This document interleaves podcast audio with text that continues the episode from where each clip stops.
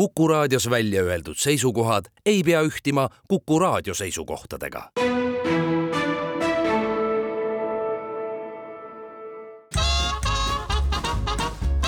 jäljed gloobusel. Tervist, kallid kuulajad, Jäljed gloobusel alustab nüüd oma kaheksakümne seitsmendat äh, saadet. Ja tegelikult mingit äh, uudist ei ole selles mõttes, et me nagu ka eelmisel nädalal oleme saate stuudioruumis neljakesi. Äh, kõigepealt muidugi on siin Väino Laisaar, tervist, Väino. suur tere. ja lisaks temale siis on ka Liis Matsalu ja Karl-Erik Timmer, kes. ja Andres Karu ka ah,. ja Andres Karu ka, aga neist ainult kaks esimesena nimetatud äh, veetsid seitse kuud eelmisest aastast toredas kohas nimega Lõuna-Ameerika, tere tulemast tagasi tere! tere taas! vahepeal midagi teil juhtunud ei ole, omavahel kõik saate hästi läbi, ka Eestis olles on tore? jah, endiselt on tore natukene veel avada tagamaid, siis see seitse kuud Lõuna-Ameerikas veedetud aega möödus siis sellise kerge automatka tähe all kes eelmist saadet ei kuulnud ja, ja koha pealt ostsid auto, müüsid selle lõpus maha, ei jätnud sinna ootama, et saaks peale väikest Eesti väisamist uuesti jätkata. aga mine tea, uurime järgi mm. -hmm. ja te kokku jõudsite külastada seitset riiki, me kuidagi nagu mingi loogikaga hakkasime sealt alguses olema, et minema nii-öelda Tšiilist muretsesite noh, nagu ikka eestlased muretsevad, on ju, ja siis muretsesite endale auto, on ju, saite sellega läbi häda üle piiri Argentiinasse, aga selle seal ütleme siis nagu Argentiina pigem nagu põhja pool juba osas, nii-öelda ülevalpool otsas ja sealt edasi te võtsite siis laias laastus suuna, kui ma ei eksi, Boliiviale, jah? just mm. -hmm. et juba niisugune Lõuna-Ameerika aklimatiseerumine selleks hetkeks hakkas läbi saama, aga olles nendes samades riikides käinud, siis ma kinnitage või, või lükake ümber, et Tšiili ja Argentiina vast on koos Uruguay'ga on ju sellised kõige arenenumad selle regiooni riigid ja eurooplasele kõige arusaadavamad, et see hüpe Boliiviasse tõenäoliselt oli selline päris põnev, et pärast riigipiiri läks asi ju huvitavamaks või? see oli põnev tõesti, et äh, kuna me ei olnud palju väga varasemalt niimoodi reisinud kuskil vähem arenenumates riikides, siis see mõnes mõttes oli see üleminek järk-järguline, et Eestist Tšiili, Tšiilist Argentiinasse ja Argentiinast Boliiviasse, et iga riik läks aina nagu huvitavamaks mm. -hmm. et äh, aga lõpuks ikka harjusime ära, et esialgu, kuidas me ikka hindasime nii-öelda seda majanduslikku olu, olid ikka majad ja äh, majade seisukord, autode seisukord ja nii edasi, et siis Boliivias oli ikka niisugune no ikka oli näha, et et pigem ikka vaesem. aga kas sinna teekond ju teil päris libedalt ei läinud, Argentiinas olid mingid äh, tõkked tee peal ees või? ja just, et äh, Argentiinas olid teeblokaadid, seal Põhja-Argentiinas äh, kohalikud protestisid täpselt ei mäletagi enam, mille vastu. ega see, sellest ongi tihti, Argentiinal on raske aru saada, neile hullult meeldib nagu demonstratsioonidel käia ja protestida mingite asjade vastu. seal oli vist mingi liitiumikaevanduse jah, see oli seal teema. põhjaosas Jujui äh, piirkonnas ja. ja midagi kaevandustega seoses. aga kas see blokaad siis tähendas seda, et nagu kedagi ei lastud läbi või oli see, et veokeid ei lastud läbi, nagu no ma ei tea, Ukraina ja Poola vahel praegu siin hiljaaegu toimus või, või kuidas see oli või mitte kedagi ei lastud? ei, kedagi ei lastud läbi jah, ja mõnes punktis olid need äh, ajavahemikud pikemad, kui lasti läbi, aga äh, enamikes punktides oli, et kahe tunni tagant Äh, lasti autosid läbi. Minu teada see on äh, kogu Lõuna-Ameerikale selline hästi omane, et kui on vaja protestima hakata, siis igaks juhuks võetakse külast teede peale kõik sodi ette ja, ja pannakse liiklus kinni, et see mõjub äh, kõige paremini, noh näiteks vastukaaluks näiteks leebe eestlane, kes pahandamise korral ikkagi läheb sauna taha, lööb rusikaga vastu seina, ütleb kurat ja siis läheb eluga edasi. et, et seal ikkagi võetakse asi niimoodi emotsionaalsemalt ette jah, seal oli lausa kuskil viis blokaadi järjest ja selle läbimine oleks meil võtnud kaks-kolm päeva. Ja siis me otsustasime, et me lähme võtame ühe teise tee ette ehk siis džunglist mägedesse et see on niisugune hästi-hästi vähe sõidetud tee tegelikult. mistõttu aga... ei ole seal ka blokaade. jah, seal ei ole ka blokaade ja siis niimoodi me saaksime neid blokaade vältida ja see oli väga hea mõte meil, sest tegelikult see tee oli üks kõige huvitavamaid äh, teid, mida me sõitsime. mul on siia vahele üks tehniline küsimus, see, et teil autol oli katusetelk, on kõik lihtne, enam-vähem matkavarustusega auto saite endale sealt ostetud, aga kas vajalikud magamiskotid ja, ja kogu see nii-öelda matkasöögi ja, ja elutehnika oli teil siis endal seljakottidega kaasas, sest noh, ütleme piirkond on küll Lõuna-Ameerika, aga samas olete vahepeal tuhandete kilomeetrite, tuhandete meetrite kõrgusel, kus on kindlasti väga külm ööbida, siis olete olete jälle ookeani ääres, kus on soe. kuidasmoodi te selle eh, magamisvarustuse ja, ja matkavarustusega üldse hakkama saite? tegelikult äh, huvitaval kombel oli meil autos kõik olemas ja me magasime enamasti ikkagi katusetelgis, et neid äh, öid, kus me ei maganud mitte katusetelgis ja Airbnb-s oli väga vähe, ehk siis maatelk ja maatelki me kasutasime tavaliselt siis, kui oli väga tuuline et mis lõunaosas, Patagoonia osas on väga tüüpiline nähtus, et äh, muidu meil oli hästi paks suletekk ja sellega me kannatasime isegi üllatusliku kõige külmema öö, miinus viisteist ära, mida me enne magama jäämist ei teadnud et tuleb öö. ja see oligi seesama tee, kus, kus me läksime džunglist mm -hmm. Humahuaca linna. jah, et me alustasime La Calilegua rahvuspargist Argentiinast, et noh, seal oli selline mõnus kolmkümmend kraadi seitsmesaja meetri kõrguselt alustasime, siis läksime läbi mäeaheliku ja jõudsime Humahuaca linna, mis on siis kuskil kolme poole peal, kolm tuhat viissada meetrit, et seal oli temperatuuri vahe ikka hoopis teine, aga kui sa kolmekümne kraadi pealt tuled, siis ei oska nagu kohe seda üllatust oodata, et öösel lähevad sinna miinus viieteistkümne juurde need temperatuurid, et mina olen märganud, noh, Eesti tavalise eestlasena mina ikkagi külmaga saan paremini hakkama kui kui soojaga, kuidas, kuidas teil oli, aga kui väljas oli ikkagi mingi öösel ka alla kahekümne üheksa ei langenud, kuidas siis seal üleval oli? Raske oli. Ikka väga keeruline, sest et. lükkasite kohe suleteki maha või?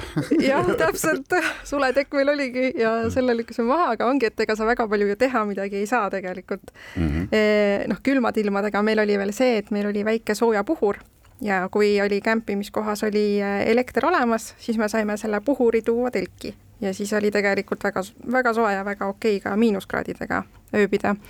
aga soojaga jah, lihtsalt kannatad midagi mm -hmm. ei ole teha. kuidas suurtes kõrgustes söögi tegemisega oli, noh, gaas mingist äh, kõrgusest alates enam, no ütleme, tavagaas on ju, ei taha eriti põleda, midagi põleb, aga vesi kunagi keema ei lähe mm,. kusjuures ise ei täheldanud väga et me, see on Lõuna-Ameerika puhul vähemalt see osa, kus me käisime, et see on väga äh, üks suurem üllatus ka meie jaoks, et nii palju maaosa on niivõrd kõrgel, et väga suur osa on kolm tuhat pluss peal ja me viibisime seal päris kaua, aga ei olnud, auto töötas hästi ja gaas töötas hästi ja ei olnud nagu midagi. hüppame siis sinna kolmandasse riiki mõnusalt sisse, Boliivia. mis seiklused teid seal ootasid, mis kohti nägite? Boliivia oli jah, väga-väga eriline igat, igatpidi äh, meie jaoks, et äh, Boliivias oli takistusi, oli võib-olla natuke rohkem kui mujal riikides, sest et näiteks välismaa autole on väga keeruline seal kütust äh, saada, sellepärast et neil on kütusehinnad on vastavalt kohalik hind ja rahvusvaheline hind. Aga et rahvusvahelist hinda välismaalasele pakkuda, nad peavad registreerima su kuhugi süsteemidesse, neil on äh, igas bensujaamas on ka kaamerad, mis jälgivad siis, et kas nad teevad seda või mitte. siis mõnes bensujaamas oli see, et äh, nad ei viitsinud sellega tegeleda ja ütlesid lihtsalt sulle, et me ei, me välismaalastele ei müü. Ja mõnes kohas oli jällegi see, et nad tegid siis sellise vahepealse hinna, kohaliku ja rahvusvahelise hinna vahepealse. Et äh, see kütuse tagaajamine oli ka vahepeal selline suur takistus kas te Boliivias, te ütlesite, et äh, ma ei mäleta isegi, kas eetriväliselt või kuidas te ütlesite, et te ka oma kõige kõrgemasse punkti jõudsite siis kas teel Boliiviasse või see oli juba Boliivia poole peal? see oli see koht, kus me sellest vihmametsast sõitsime ümber nende teeblokaadide, et see oli autoga kõige kõrgem koht, kuhu me sõitsime, oli neli tuhat seitsesada midagi, seitsesada viiskümmend äkki meetrit. Ja selle kohta veel huvitav asi on see, et äh, siis ma sain aru, et äh, kõrgushaigus on nagu päris et äh, kui sa ikka nelja tunniga sõidad seitsmesaja meetri pealt nelja tuhande seitsmesaja peale, siis see ikka annab tunda. Vägagi, vägagi hea, okei okay,, aga saite hakkama, et ei pidanud ju nii kõrgele jääma, on ju, te saite Jah. õnneks ka pärast seda kohe allapoole tulla kuhugi tiba madalamale ja eestlasele arusaadavamasse kõrgusesse, jah. jaa, Liisil oli okei okay,, minul oli, no peavalu oli küll ikka selline, et äh, iga samm käis äh, varbast kuni pealaeni läbi, et minul on kaardi peal Boliiviasse ära märgitud eh, kaks asja, kuhu mina pean oma jalaga sattuma, üks nendest on Titicaca järv. noh, sinna jalaga sattumine on muidugi noh, nii ja naa on ju, seal tõenäoliselt on mingeid muid sõiduvahendeid vaja, millega seal peal liikuda ja nende ujuvkülades käia. ja teine on siis see nii-öelda surmatee, maailmakuulus surmatee, kuuskümmend üheksa kilomeetrit pikk ja selline hästi järsu eh, kuristiku äärse mägiteega on tegemist, kus siis noh, mis siin salata, iga aasta ikkagi mõned eh, reisibussid ja, ja mõned autod ja mootorrattad kipuvad sinna eh, jäämagi. kas eh, selle tee sõitsite ka läbi ja mis teil siis eh, veel Boliivias huvitavat ette jäi? jah, sõitsime need mõlemad läbi.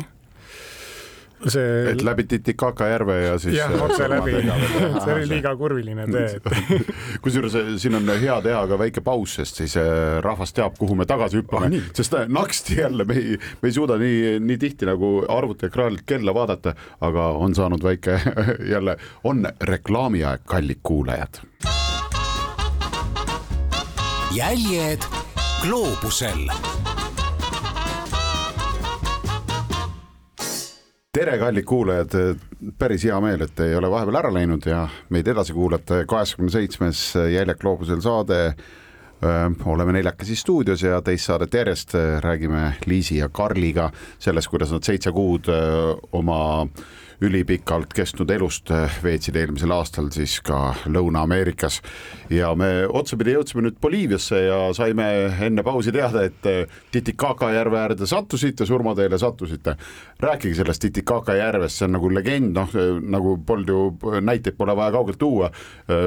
Väino Laisaar istub ja Titicaca ütled, siis tal hakkab nagu pulsi viskab saja kuuekümne peale ja rääkige, milline ta siis välja näeb ja mis see kõige nauditavam sealjuures on no kõike ei saa ära ka rääkida, et muidu äkki jääb üllatusi vähe, vähemaks, aga tõsi, me sealt äh, mööda sõitsime, et sealt tee läheb just väga hästi järve äärest, väga head vaated on seal, aga väga huvitava parvega pidi auto üle sealt saama, et äh, see ei näinud üldse välja selline parv, kuhu peale tahaks auto panna, sest et äh, siuksed äh, poolmädanenud puulauad, aga vaatasime, et isegi bussid viiakse üle sellega, siis mõtlesime, et noh, siis meie auto saab ka kindlasti ilusti üle. et äh, see oli väga huvitav kogemus. jah, see oli meil esimene parvesõit äh, selle autoga ka, et siis harjutasite kavastust ka enne, kui läksite? jah, et see oli päris põnev, et äh, lihtsalt suvaline paadimootor visatakse puulaudadest parvele taha ja käib küll. see on üks äh, maailma üldse kõrgemaid järvi ka ju, asub niisugune Jah. kolm tuhat kaheksasada ja natukene peale meetri kõrgusel.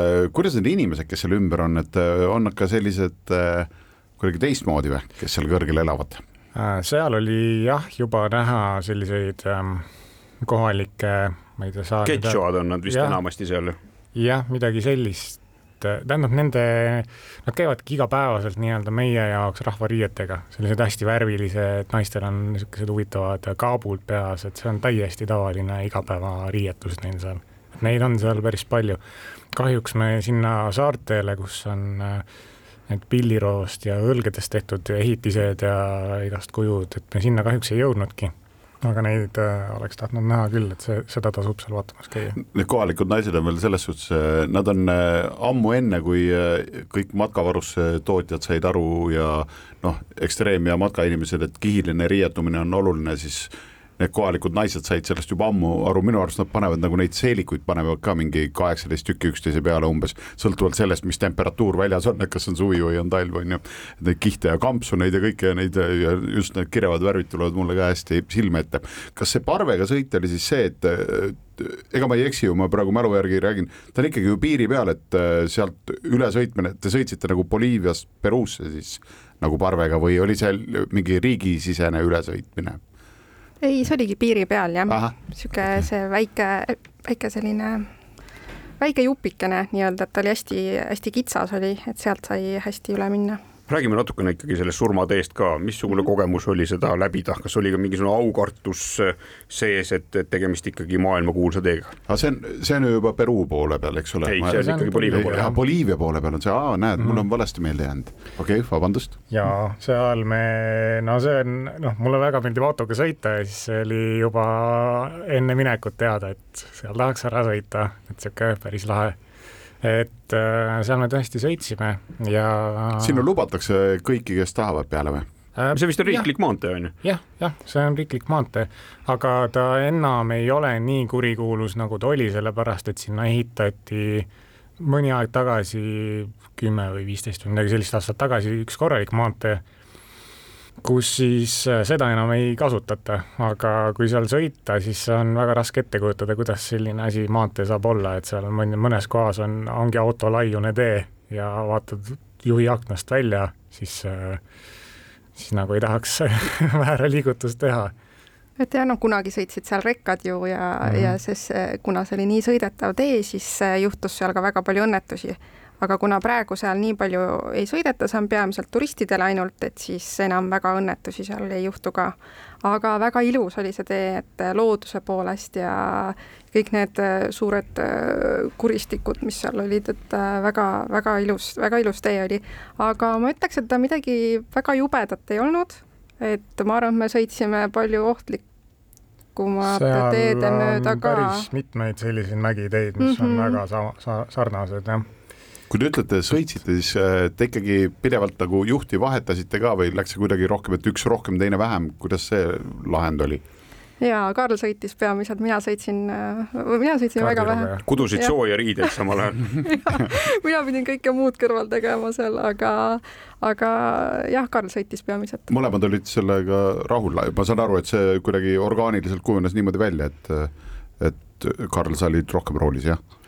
jah Karlile väga meeldib sõita autoga ja minule meeldib väga kõrval istuda, et selles mõttes klappis meil hästi, et äh, super. jah, ükskord, kui ma sõitsin, siis äh, jäin lumme kinni ka, et äh, peale seda ma vist ei sõitnudki rohkem.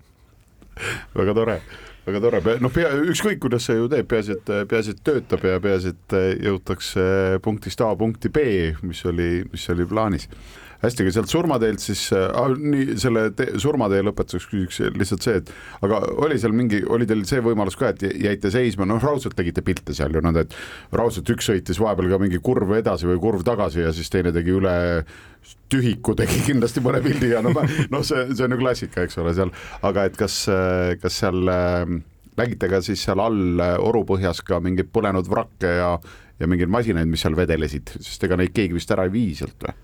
Või, või džungel katab kõik ära?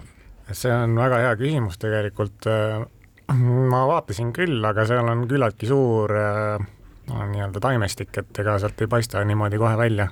et väga pikalt ei otsinud ka, aga, aga niimoodi esmapilgul küll ei näinud, jah. Mhm. kas selle, see turistid, kes seal raja peal liiguvad, äh, põhiliselt siis ikkagi kasutavad selleks autosid või on palju, kui ma, ma mäletan, Uhhuduri poisid ju sõitsid sealt ratastega alla, ma mäletan seal ratas ongi tegelikult peamine, et see, seal on hea sõita selles mõttes, et äh, selle tee üks ots on äh, kõrgel ja teine ots on madalal, et sa sõidadki mäest alla, siis sa saadki need seitsekümmend kilomeetrit seal mm -hmm. jah, downhill'i sõita põhimõtteliselt. Ja enamasti, kui hoog liiga suureks läheb, siis mõni Honda peab kinni nagu selle hoo eh, ma olen isiklikust kogemusest eh, tähele pannud, et pikal automatkal tekib eh, kehal ikkagi mingisugune vajadus ka liikuda, kas selle automatka käigus võtsite ette ka mingisuguseid selliseid jalgsi matku, mitmepäevaseid, mitmemäelisi? jaa, võtsime küll, et matkata meile tegelikult väga meeldib. Tegime ka ühe sellise pikema matka Peruus, Salkantai matk, mis siis lõpuks jõuab välja Machu Picchule.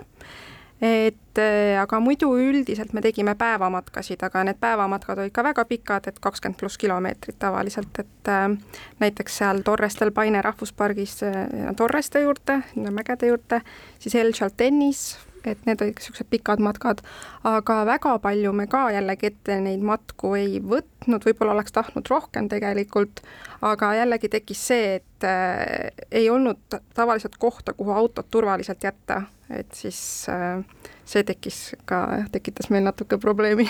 kas see tähendab, et Machu Picchul läksite üles mööda seda matkarada või läksite juba seal Ollantaytambost, kui ma nüüd seda õigesti hääldasin, seda Inka treili mööda sinna eh, Machu Picchu juurde? Inka treili meie ei teinud, me tegime Salkantai matka, see oli viis päeva siis. ja, ja selle kõige viimase otsa, mis mis viib siis Machu Picchule, mis tavaliselt äh, on, ma ei teagi, palju neid treppe seal on, igatahes hästi palju siin treppe. kõneleja läks bussiga jah, täpselt, meie läksime ka bussiga mm. -hmm. Kas see, see valik, et äh, sinna Machu Picchule, kus nagu käib ju iga aasta nagu sadu tuhandeid, tõenäoliselt kui mitte miljoneid inimesi, on ju, et, et see valik, et minna sinna sellise viiepäevase matkaga, et et oli pigem siis äh, selline parema tunnetuse saamine või miks te selle valiku tegite või tahtsite lihtsalt äh, tunnetada ka seda, mida sajandeid tagasi nemad tundsid, kui nad sinna üles läksid või? Jaa, võib-olla nii võibki öelda, et matkates ja jalgsi looduses kõndides, kõndides sa saad ikka nagu parema pildi ja ennast äh, paremini ette kujutada sellesse keskkonda. et sellepärast me väga tahtsimegi seda jalgsi matka teha et äh, noh, muidugi matk ise on ka väga ilusas looduses, looduslikus keskkonnas mägede vahel, et kas see ja noh, no te ju aimate juba, et me varsti teeme jälle pausi kuidagi on see aeg jälle lennanud, aga äh, enne jõuan küsida veel selle, et kas siin, mina ei ole käinud seal üleval Machu Picchul, aga kas üles jõudes, kas see oli suurem ja ägedam, kui te arvasite või see oli väiksem ja väheägedam? võib-olla see teine variant. Et äh, kuigi meie läksime sinna nii, et me olime esimesed, kes jõudsid, nii kui avati ja hommikul vara kohe, et siis teisi turiste õnneks väga palju ei olnud, et sai selle parema kogemuse. ja paremad pildid. paremad pildid jah, et võib-olla ma nagu kuidagi ka arvasin, et see on midagi veel suuremat ja veel erilisemat, aga ta oli muidugi väga-väga ilus ja väga suurejooneline, aga mitte võib-olla reisi highlight nii-öelda ha. Highlight ei olnud, aga mina enda poolt päris nii alla ei tooks, et ikka tegelikult päris hämmastav oli. me oleme, me oleme mõne minuti pärast teie kõrvades taas tagasi. jäljed gloobusel hää kuulaja, paus on jälle läbi, stuudio rahvast täis ja oleme siis eh, oma juttudega automatkaga seitsmekuulisel tagasihoidlikul Lõuna-Ameerika ringil, ringil jah, on ju. ja, ja jäime nüüd eh, eelmise plokiga sealmaal seisma, kus jõudsime tegelikult juba otsapidi natukene hüpata Peruu poole peale. ja, ja Peruu siis üks nendest seitsmest riigist, eh, mille te läbi käisite, mis siis peale Machu Picchu ja, ja, ja selle toreda pika matka veel Peruus ees ootas tegelikult Peruus, äh, kui me alustasime enda juttu sellest, et meil oli teisel nädalal äh, sissemurdmine autosse, siis meil oli selline küllaltki kahtlane sisetunne oli peale seda ikkagi sees. ja see oli, suur põhjus oli selles, et me ei olnud teisi äh, automatkajaid tegelikult kohanud väga. sest et me käisime hooajavälisel ajal, mille plussiks oli see, et kuskil ei olnud turiste väga siis Cuscos tegelikult on üks selline hästi suur campsite, kuhu siis kõik automatka, matkajad, see on nagu niisugune, ega seal piirkonnas väga palju neid kohti ei ole, siis on seal Cuscos, me saime kokku ikka väga paljude automatkajatega ja lõpuks oli meil võimalus äh, nendega mõtteid vahetada ja see andis sellise inspiratsiooni sisse, et kui sa näed, mida teised inimesed ikka teevad ja mõni on seal kümme aastat kuskil, ma ei tea, kus elanud ja sõitnud, et see oli nii lahe kuulata et see tegelikult võis üks meie reisi mentaalse poole pealt üks murdepunkte olla. see oli väga lahe Mhm, ja seal oli ka väga äge see, et äh, näiteks äh, kohtasime seal ühtesid soomlasi, soomlastega on alati see, niisugune venna, vennased mm. selline tunne, et äh, ja siis oli üks paar jalutas seal meie auto juures, vaatasid kohta, et kuhu nemad saaks oma auto panna ja siis nad ütlesid, et nad lähevad sinna Salkantai matkale ja ma ütlesin eesti keeles Karlile, et näitame neile seda Salkantai kaarti, et las teevad pildi, et siis neil on endal lihtsam minna. ja siis järsku see tüdruk ütleb, et kas te rääkisite just eesti keeles mm.? siis meil oli jaa, mis asja, kuidas keegi eesti keele ära tunneb no ja siis nii ta ütles, et aa, me oleme soomlased, siis meil oli oi kui äge, et see oli siuke hästi tore äratundmine. Seal me saime mitmeid äh, sõpru, kellega me edasi ka suhtlesime mm -hmm. ja, ja saime hiljem kokku ka ja mm Mhm. -hmm. lahe.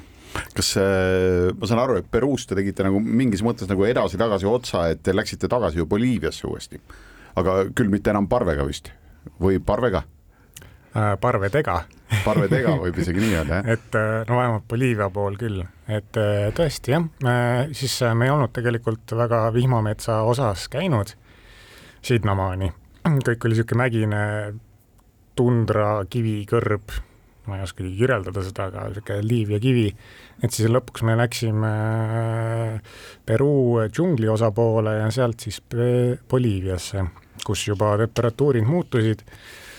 Rohelust oli palju rohkem ja seal oli üks, üks highlight äh, selliseid põhilisemaid äh, meeldejäävaid sõite ka, kus oli selline punane savitee, kuskil tuhat kakssada kilomeetrit pikk, kus oli keskel üks tankla, kus ei olnud kütust mm. selle me saime teada siis, kui me sõitsime sinna koha peale.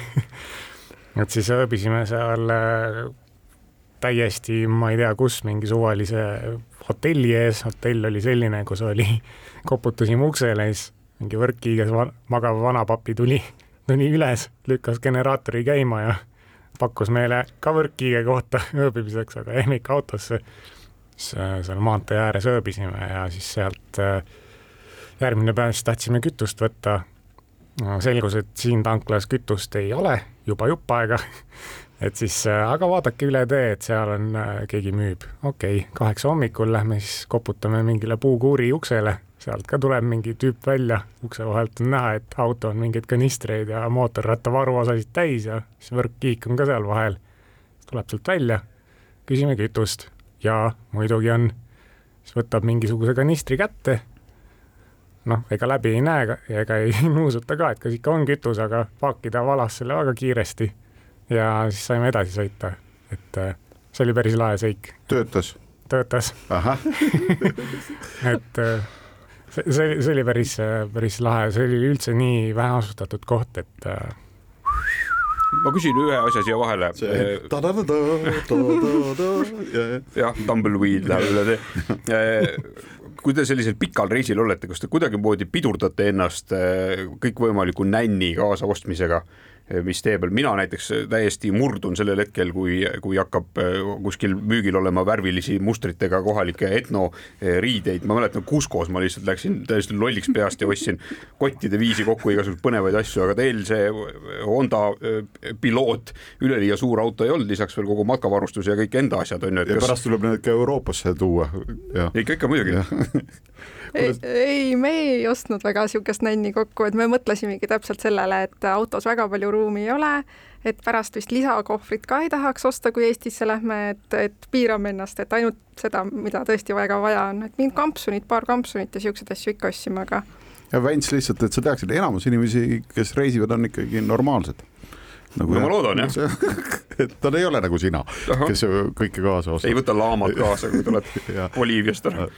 kui Boliivias äh, allapoole sõitsite, siis äh, vaadates teie äh, seda trajektoori, siis kuidagi kiskus nagu ühel hetkel täitsa sinna ju jäid, jäi lähedale ka Boliivia naaberriik Paraguay. kas sinna ka sattusite või enne üldse hüppasite üle piiri Brasiiliasse?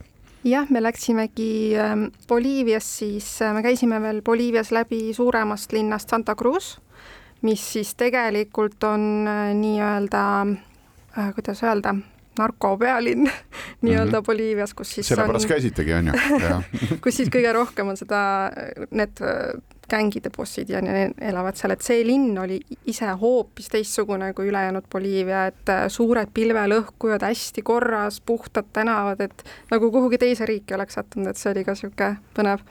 aga jah, Boliiviast me läksime edasi Brasiiliasse ja Brasiilias me läbisime Pantanali ehk maailma suurim märgala, selle piirkonna.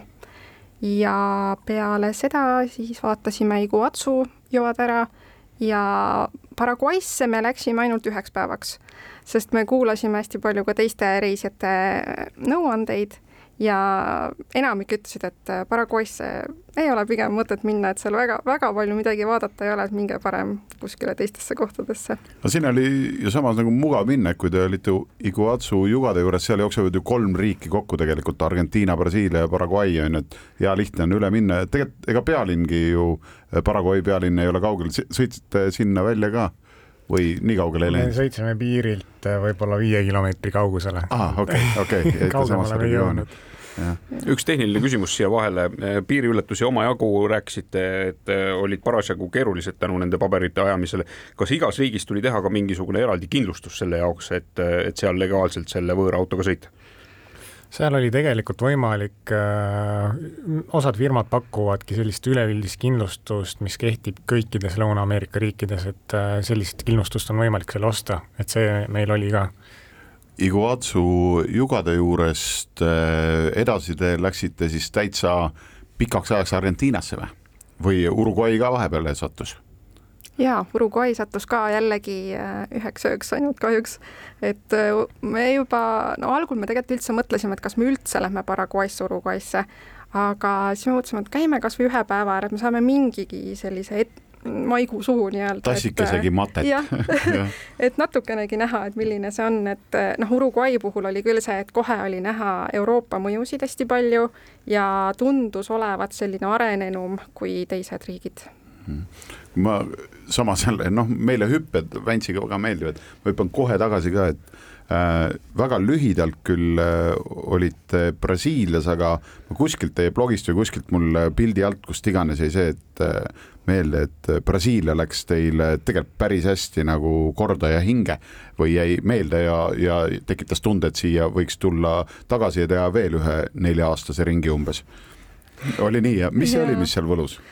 Brasiilia oli tõesti meie mõlema jaoks äh, kõige lemmikum riik, kus me Lõuna-Ameerikas käisime. me olime seal küll ainult kaks nädalat umbes, aga selle aja jooksul kõik need inimesed, kes seal olid, nad olid nii sõbralikud, nad olid nii kuidagi mõnusalt, mõnusa vaibiga. väga jah, elavad, sõbralikud, ülilihtne oli nendega suhelda ja rääkida ja ei tundnud kordagi mingit negatiivset emotsiooni.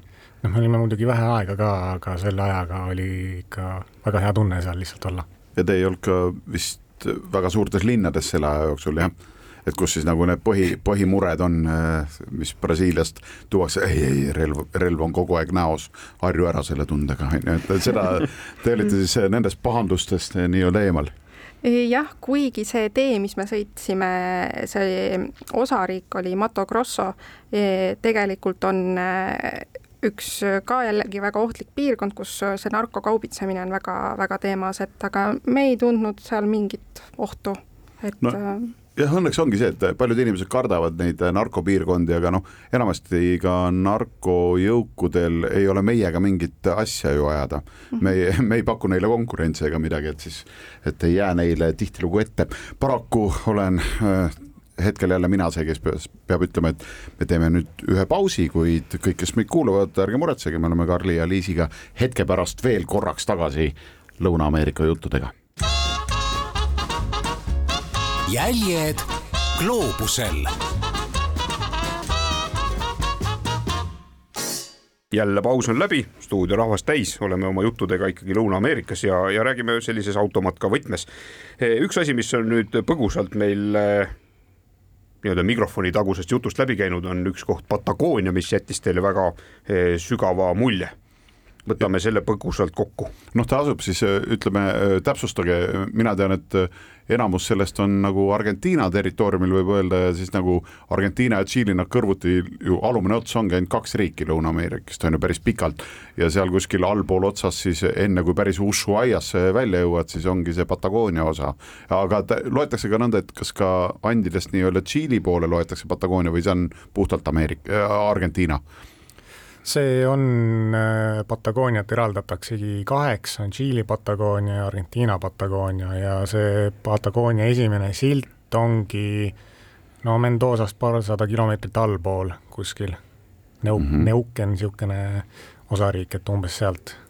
Nendel, kellel enam-vähem kaart on silme ees, et äh, kui me ütleme Mendoza, siis Mendoza jämedalt on samal joonel äh, siis Buenos Airesega, et ta on lihtsalt noh, Tšiili pool piiri peal, et siis, et ei ole ei ülal ega allpool. mis seal Patagoonias kõige võluvam on? no mina kui kalamees toon kohe välja selle, et see on üks forellipüügi ja lõhepüügi meka kus äh, nagu maailmas üldse? maailmas jah. üldse jah, et on äh, Alaska, Uus-Meremaa ja Patagoonia, et siis Patagoonia on üks nendest kolmainsusest.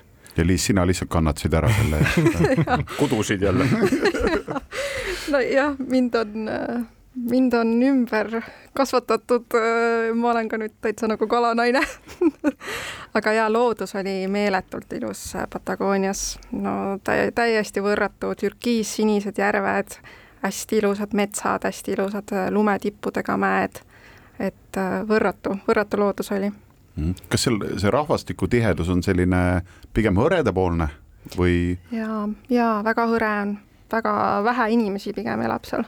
jah, mida lõuna poole lähed, seda harvemini inimesi kohtab, et äh, seal Patagoonia alguse poolel, seal ikka on küllaltki, aga kui sa juba Ushuaia poole jõuad, siis seal sa võid ikka päris mitusada kilomeetrit sõita lihtsalt teed mm. -hmm. kas need, äh, aga teedevõrgustik ja see on siis selline, et äh, mingit probleemi nagu punktist A punkti B saamisel ei ole või? no võib öelda, et selline kõrgem maastur tuleb kasuks seal osati, et kuigi see on üks kõige sõidetavamaid teid, äh, noh, Argentiina poolest räägin, et seal on see Ruta nelikümmend mis on see põhimaantee, mis sinna alla viib, et seal osad lõigud on ikka sellised, et, äh, et äh, ikka annab sõita. ja kuidas, kuidas seal, sealkandis siis selline kui seal käib vähe rahvast, aga ta on nagu imeline paik, siis noh, mina tahaks öelda, et kõik, kes sinna lähevad, tahavad ikkagi mingil hetkel jalga sirutada ja mõnele kasvõi mäetipule lähemale minna, et on seal selliseid matkaradasid ka või? jaa, El Chaltenis on ähm, kuidas seda matkarada seal nimetatigi äh,? Fitzroy, jah.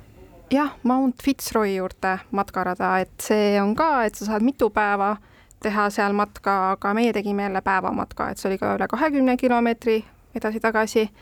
ja siis teine niisugune suurem äh, tipp või noh, mäe, mäetipud, mida vaatama minna, on siis Torres del Paine rahvuspargis. Äh, need torresed et hästi ikoonilised ja sellised omanäolised äh, mäetipud. aga äh, kas ma saan õigesti aru, et sinna Patagoonia kanti te jõudsite ju oma reisi siiski nagu teises pooles, äh, mis oli siis meie, meie sügis, nende kevad siis jah, oli umbes seal jah ja.? jah kas tuli ka niisugune õisi ja kõike muud oli ka, et see allpool oli see taimestik oli ka niisugune äge või? Ja me sellist aega siihtisimegi, et äh, me võtsime eraldi kaks kuud, et ainult Patagoonias olla, et me väga ootasime seda ja me sihtisimegi nii, et ta jääks äh, kevadesse, kus just seda taimede tärkamist ja sellist äh, hetke nagu ähm, saaks enda pähe salvestada, et siis nii me jõudsimegi sinna. kas teisi nii-öelda overlandereid ka kohtasite seal, kes sõitsid? Jaa, eh, päris palju, et seal eh, väike linnake eh, Argentiinas, El Calafate, seal oli ka jälle selline kämpimiskoht, kus hästi palju teisi overlandereid oli ka ja väga paljudega sai seal juttu räägitud ma tulen korra sellise teema juurde tagasi, kindlasti on palju inimesi, kes praegu kuulavad ja, ja tegelikult üsna paljud eestlased on käinud ka erineva eh, tehnikaga Lõuna-Ameerikas sõitmas. kas eh, see reis, mis te nüüd ära tegite, noh, hakkab meil nagu sihuke kokkuvõttev osa on ju, kuna saade hakkab läbi saama, jah, eh, kas see oli nii-öelda ootuste kõrgusel on ju, kas Lõuna-Ameerikasse autoga, mootorrattaga, jalgrattaga käsitsi eh, matkama minemist tasub kuidagimoodi karta ja, ja mis olid võib-olla sellised nagu kõige suuremad turvariskid teie tee? Äh, ei tasu karta, selles mõttes, et päris nii see ei ole, et kui mõnest kohast võib-olla inimesed loevad, et äh, lähed Lõuna-Ameerikasse, siis kohe saad surma, et äh, nii see ei ole absoluutselt. ja väga palju oli ka jalgrattaga matkajaid, et see näitab jällegi seda, et ikkagi on turvaline et äh, suurimad no ma mõtlen, see autoaken löödi katki, osad asjad varastati ära, kas tee peal toimus veel mingisuguseid selliseid kõhedaid olukordi? tegelikult see oligi ainus, et äh, see on üldse nagu terve selle reisiga oli tunda, kuidas enda mentaliteet ja suhtumine ka muutusid, et see oli ka üks osa sellest, et alguses me olime päris skeptilised ikkagi, et kui sa näed, kui vaeselt need inimesed siin elavad ja siis noh, kuidagi Eestist tulnuna ikka mõtled, et okei okay,, et ilmselt on siis siin mingeid kuritegusid ka väga palju, aga tegelikult inimesed on nii sõbralikud, nii lahked, et äh, väga mõnus oli seal üldse olla ja suhelda lõppkokkuvõttes. jah, et inimesed on küll vaesed, aga nad on väga rõõmsad. noh, Brasiiliast me juba rääkisime, aga kui teil niisugune, kui te lähete ja ma olen sada protsenti kindel, et te lähete Lõuna-Ameerikasse tagasi, et siis äh, ku, kuhu te suuna seate? Tegelikult tahaks ikkagi Brasiiliat rohkem avastada, et äh, Brasiiliale tahaks äh, täitsa tiiru nii-öelda peale teha, et alguses meil oli plaan ka Manausesse minna, see vihmametsa, suur linn vihmametsas. aga jah, paraku ajaliselt ei jõudnud, aga Brasiilia on nii suur, et äh, selle jaoks peab võtma, ma ei teagi, eraldi aasta võib-olla lausa, et, et seda avastada. aga ülevalpool Ecuador, Kolumbia, Kolumbia jah, tegelikult Suriname, Guyana ei välista, aga tegelikult teiste reisijatega või automatkatega rääkides äh, me kuulsime kõige rohkem nii-öelda hirmujutte Equa-, Ecuadorist mm, Mhm. -hmm. Ecuadorist, et äh, seal oli nagu pigem selliseid vägivaldseid äh, kuritegusid ka päris mitmetel reisijatel juhtunud, suvaliselt tänava peal lihtsalt tulistatud autosid ja öösel matšeetedega rünnatud ja igasuguseid jutte, et äh, aga Kolumbiast rääkisid jällegi kõik väga head, et ja kõik ütlesid, et miks te Kolumbiasse ei lähe, et kindlasti minge sinna ka kui välja tuua nendes, noh, ütleme küll nendest seitsmest riigist eh, kolmes olite väga põgusalt, aga, või ütleme, kahes olite nagu super põgusalt, mõnes olite lihtsalt põgusalt ja mõnes olite normaalselt, sest kuskil väga kaua te ei olnud kuskil, on ju, teie enda nagu tunnetus, aga eh, meil kuulajad tihti, neid huvitab ka see, et kes julgevad võtta lapsi näiteks reisile kaasa. kuidas teile tundus ka see turvalisus, et millised nendest riikidest oleks näiteks need, kuhu eh, inimesed julgelt teie arvates võiksid minna ka koos lastega? Äh, Tšiili ja Argentiina kindlasti. alumine ots. jah, alumine ots, et Patagoonias tegelikult me nägimegi väga palju peredega reisijaid. et näiteks prantslased teevad hästi tihti nii, et kui tuleb kooliaasta sügisel, siis nad võtavad lapsed aastaks ajaks koolist ära, teevad aasta aega siis äh, nii aasta ajaga ringi peale Lõuna-Ameerikale ja siis uueks õppeaastaks lähevad tagasi Prantsusmaale. et Prantsuse peresid oli äh, väga palju seal, et lastega tundus, et saab väga edukalt reisida aga väljaspool Lõuna-Ameerikat, kas teil tiksub ka mõni plaan minna, ma ei tea, Aasiasse? Teil on kindlasti arvutis mõni kaust veel, mis on ääreni juba välja mõõdetud teid ja pu- punkte täis pandud. või me mõtlesime, et järgmisena nihutaks piire ja teeks kurjuse telje sõidu nagu läbiks kõiki riike, kus on terroristlikke organisatsioone palju. või mis teie mõtted on olnud? Need terroristlikud riigid jätaks sinna lõpupoole, aga, aga et siis, kui enne oled jõudnud juba reisid ära teha, siis noh, hea küll. aga minule isiklikult tegelikult Mongoolia mingil põhjusel väga on huvi pakkunud, kunagi ei ole käinud äh,, aga väga tahaks minna. Ja oleme mõelnud ka Aafrikast, aga noh, järgmised paar aastat ikka mitte, et äh, see on nagu veits kaugem tulevik. jah, et niisugust suurt eeltööd ei ole ära teinud mingi uue reisi jaoks veel. mis see üldine plaan on, kas kõik riigid ära käia, kõikidel mandritel mingisugused sõidukilomeetrid maha joonistada? või lihtsalt olla õnnelik?